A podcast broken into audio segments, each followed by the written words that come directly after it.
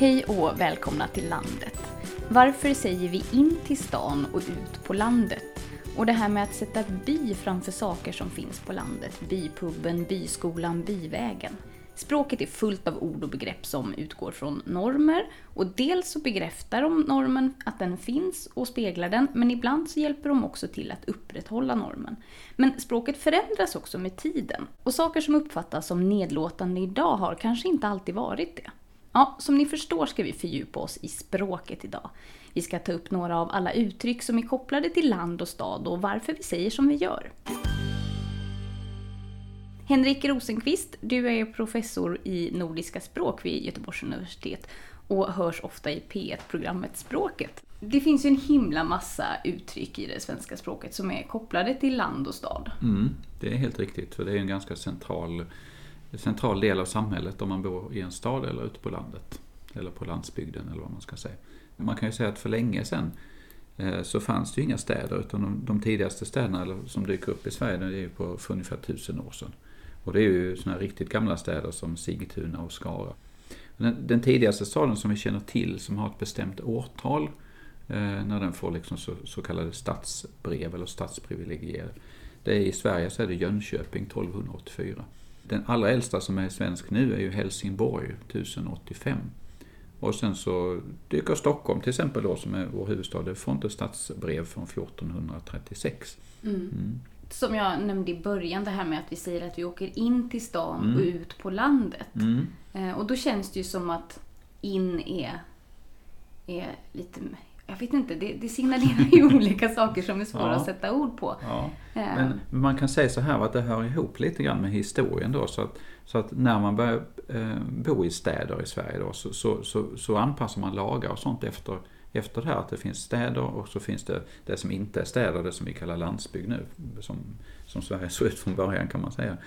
Och det var det ju så att städerna skulle ha en stadsmur eller ett, eller ett staket. De skulle vara avgränsade helt enkelt från den omgivande landsbygden. Så man skulle ha kontroll på de som, som gick in i staden och de som gick ut ur staden. Man kunde låsa stadsportarna på kvällen och så vidare.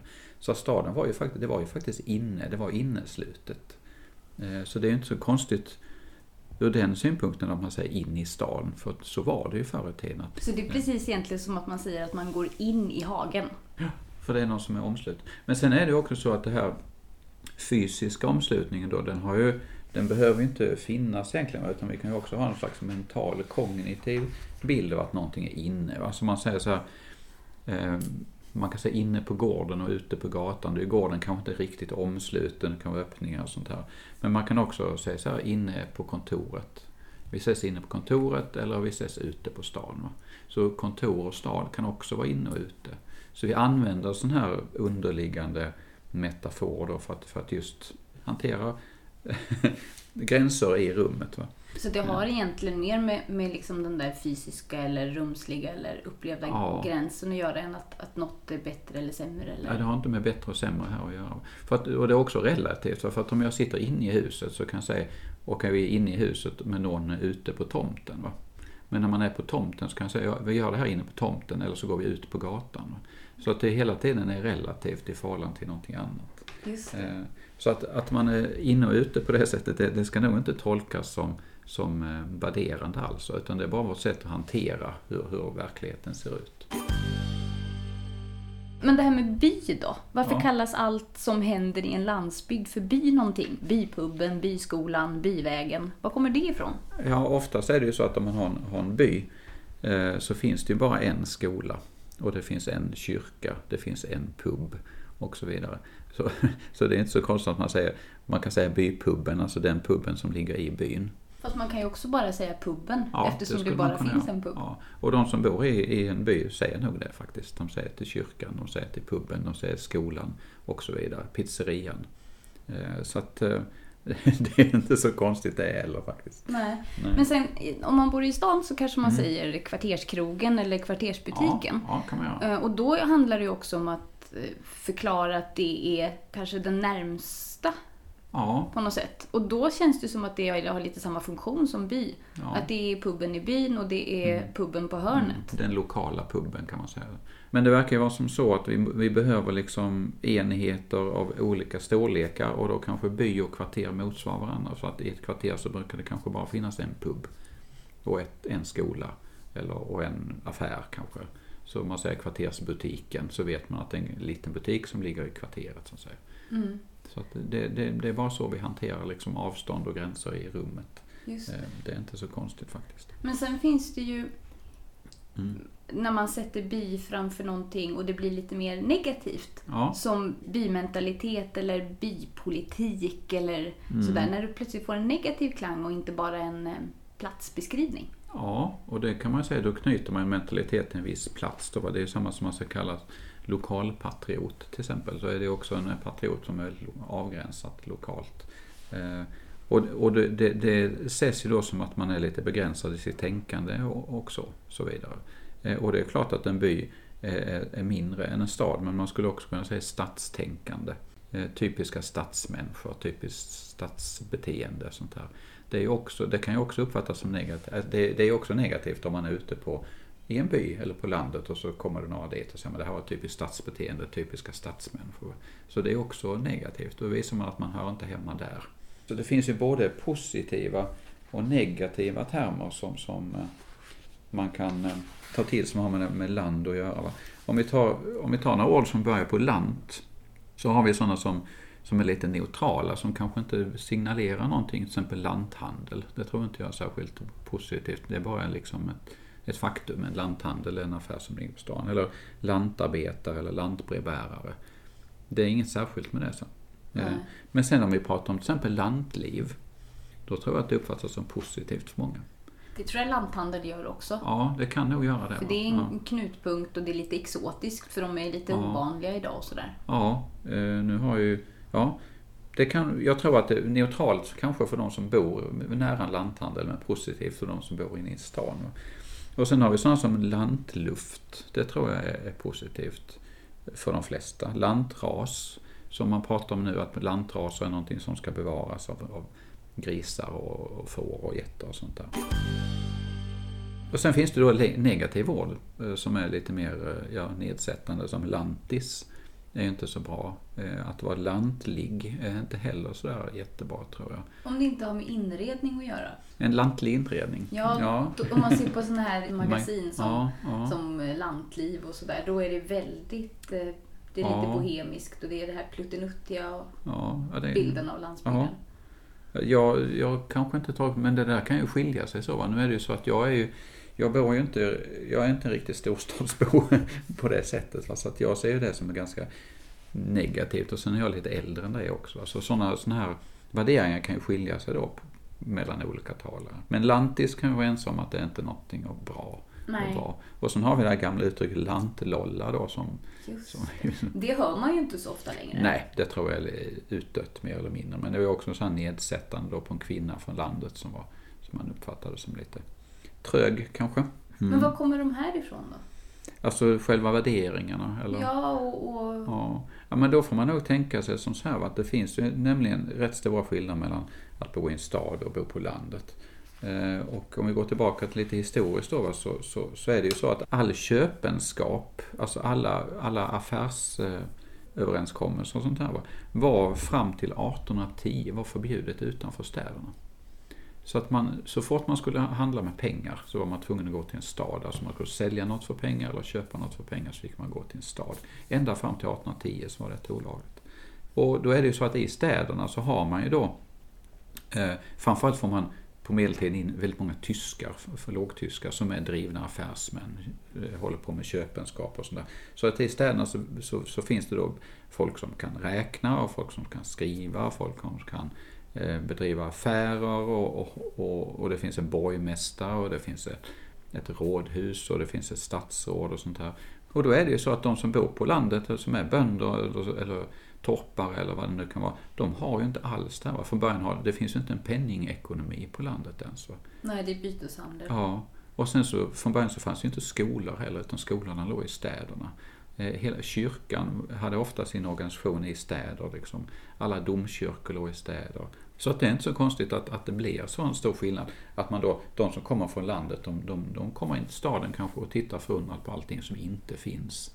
Nej, precis. Och ställer en massa frågor för man har inte lärt sig det där. Ja, precis. Nej, då är det inte konstigt att man framstår som en lantis. Nej, och, och så är det ju likadant att när vi svenskar kanske reser till storstäder då så tycker vi så går vi omkring och tittar förundrat. Så det här med att man säger lantis och sådär, det är, har sitt ursprung jätte, jättelång tid tillbaka och egentligen bara ett uttryck för att man känner sig lite vilsen när man kommer till en främmande miljö. Ja, man är vilsen. Det är ju naturligt för alla människor att man kommer till ställen där det finns en massa företeelser och folk och sånt som man inte känner till. Det är klart att man blir lite förundrad och, och framstår, för dem så framstår man kanske lite som lite trög och enfaldig. Och det är man ju. Men det, det, är ju alltid så när man kommer till en ny miljö. Va? Motsatsord till lantis mm. till exempel.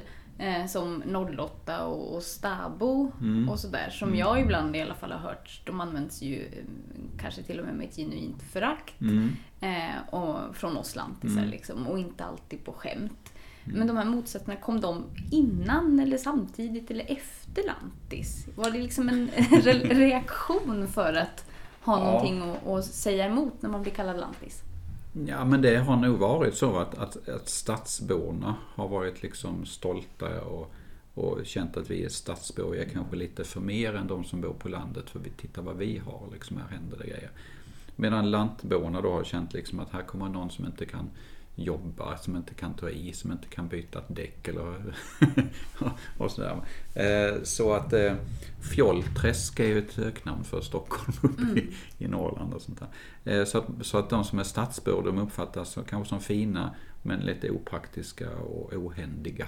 Så det är klart att det har funnits en spänning däremellan hela tiden. Och, och, och det tror jag har också hänger ihop med historien, alltså att man har också med lagar har man ju skilt då städerna från landet. Vi hade ju en egen stadslag i Sverige under väldigt lång tid, fram till 1734 så hade vi, en, vi hade lagar för städer och vi hade lagar för rest, det som inte var stad.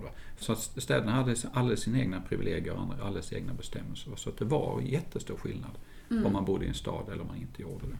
Men det är ju ganska fascinerande ändå att det här som hände på 1700-talet och ja. ännu tidigare lever kvar idag i vårt språk. Ja, men det, vi har massor med grejer i språket som lever kvar sedan mycket, mycket längre än så.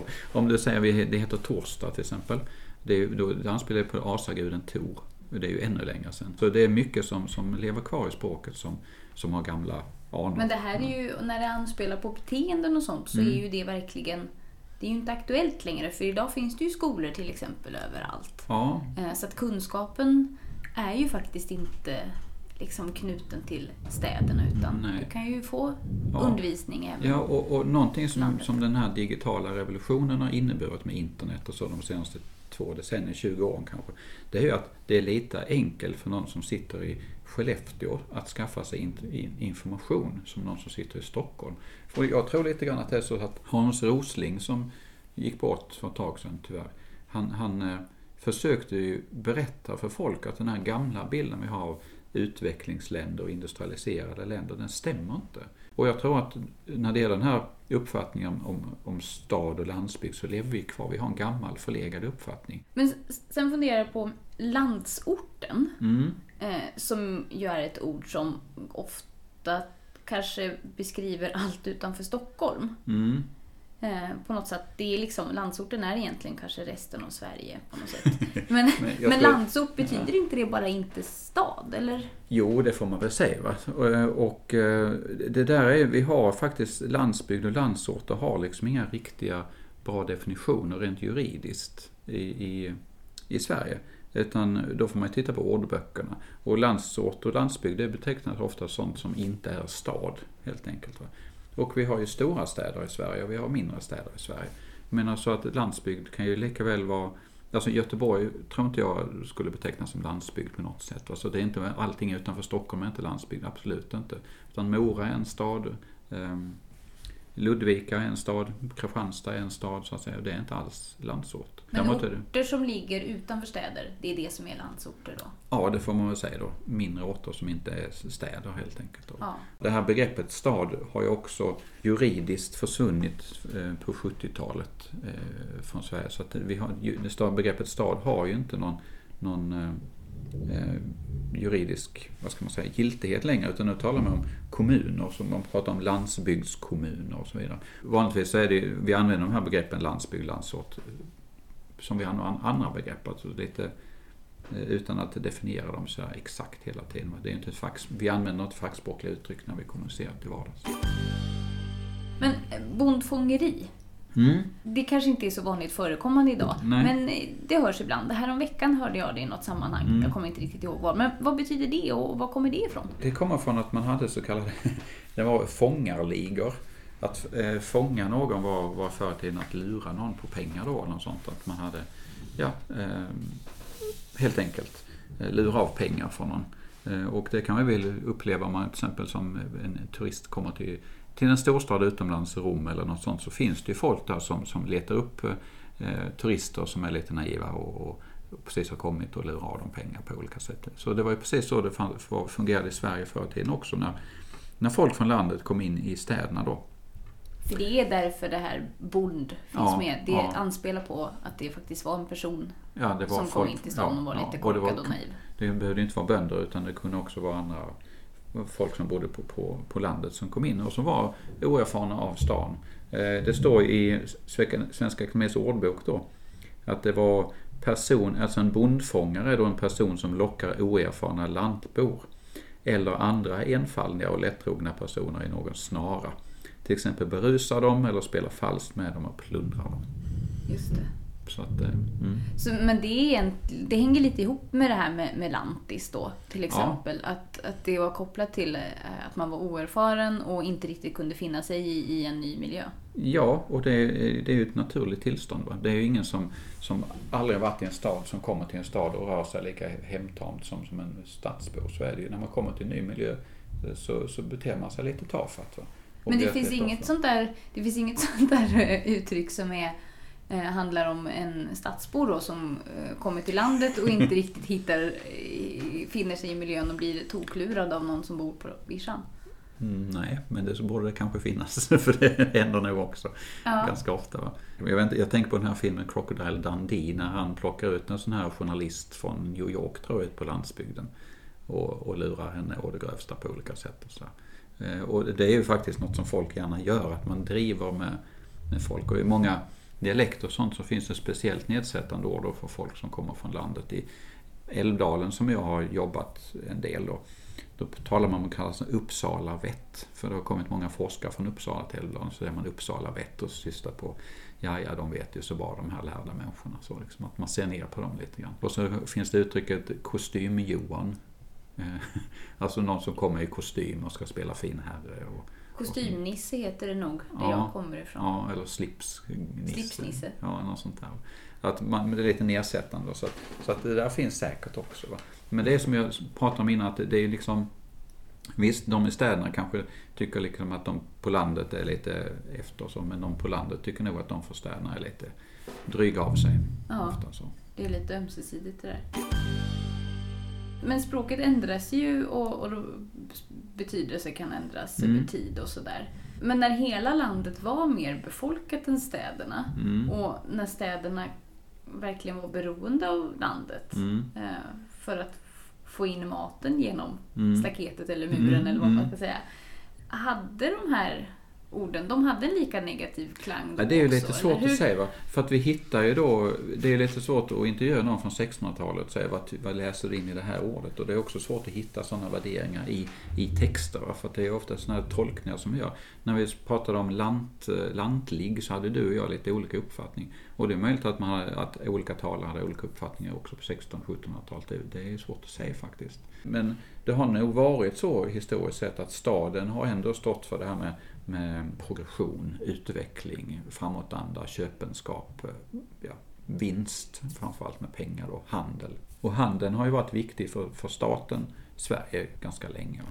Så att det är nog så att staden har sett som en förebild, i alla fall uppifrån, för det är städerna som ger Alltså det är svårt att, att beskatta bönder och sånt för de har inga pengar utan de får då betala skatt in natura, alltså med, antingen genom sitt arbete eh, eller, eller genom säd eller, eller boskap eller, eller något sånt. Så mm. penningekonomi är ju någonting som, som staten föredrar. Och det ser man ju, såg man ju som framtiden då under medeltiden. Och det blev ju helt rätt då. Eh, jag tror det var 1622 så belägger man Eh, så är det ju så att då får man bara sälja och köpa saker in i en stad. Mm. Och sen är det så att när man ska gå in i staden eh, för att sälja någonting, då måste man betala tull eller skatt. Så det är 3, 3 så betalar man stadstull. När man går igenom stadsmuren så får man betala eh, tull på detta då. Och då har man ju till exempel i Stockholm så har man sådana här Danvikstull och, och sånt. Det är ju gamla eh, namn som hänger kvar från den tiden. Just där fanns en tullstation. Så man kom från landet och sälja något så fick man stanna där och betala så man fick faktiskt betala för att få sälja sina saker.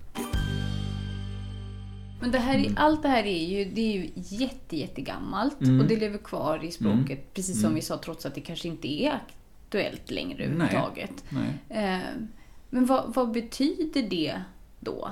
Bidrar det till att vi behåller bilden av vad en lantis är? Eller? Ja, det betyder att folk, det är svårt att förändra en hel befolkningsbeteende på en gång. Så att säga. Utan, utan det är en viss tröghet. Inte bara, språket speglar ju då den här trögheten i att, att ändra uppfattning om någonting. Va? Eh, och det finns ju en ganska eh, naturlig förklaring till det också, att man byter inte uppfattning sådär utan vidare, utan man måste liksom ha goda skäl för att byta uppfattning. Och sen så måste ju frågan diskuteras mycket och, och som det ser ut nu i opinions, opinionsartiklar och, och kulturdebatt och sånt så är den här skillnaden stad och land inte helt central just nu. Va? Det är möjligt att om den lyfts upp eh, så, så kan man också ändra språk, det språkliga beteendet. Att ja. folk börjar fundera över de här termerna och sånt. För det har ju ändå pratats mycket, mycket mer om stad och land ja. nu de senaste två åren kanske Ja, men jag tror att på 60-70-talet så var det ju ännu mer diskussion om detta med den gröna vågen och så vidare. När man verkligen sökte sig från städerna. Man såg staden som, som fördärvlig och smutsig och, och så ohälsosam. Avslutningsvis, har mm. du något favoritord kopplat till landsbygder? Nej, det vet jag inte. Eh, det var en svår fråga.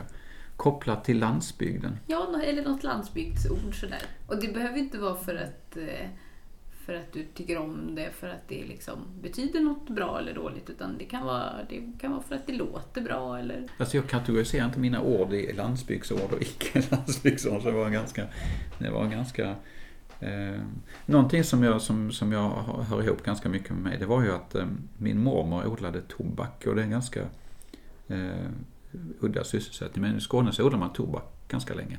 Och min mormor var en av, en av de tobaksodlare. Hon lämnade in tobak sista gången någon gång på 60-talet. Så slutade man, la man ner det här. Och hon, eh, hennes tobak gick bland annat till cigarrtillverkning nere i Åhus nere i Skåne. Och de cigarrerna de, de såldes under namnet Rio Casa. Så det kan vara mitt favorit. cigarrer av märket Rio Casa. Rio Casa betyder ju Åhus då på spanska. Så att, eh, mm. Det är, ja. det är ett sånt här landsbygdsbegrepp eller minne eller vad man ska säga som, som är centralt för mig i alla fall. Det tycker jag är en rolig grej. Tack så hemskt mycket Henrik mm. Rosenqvist för att du kom till landet. Tack själv.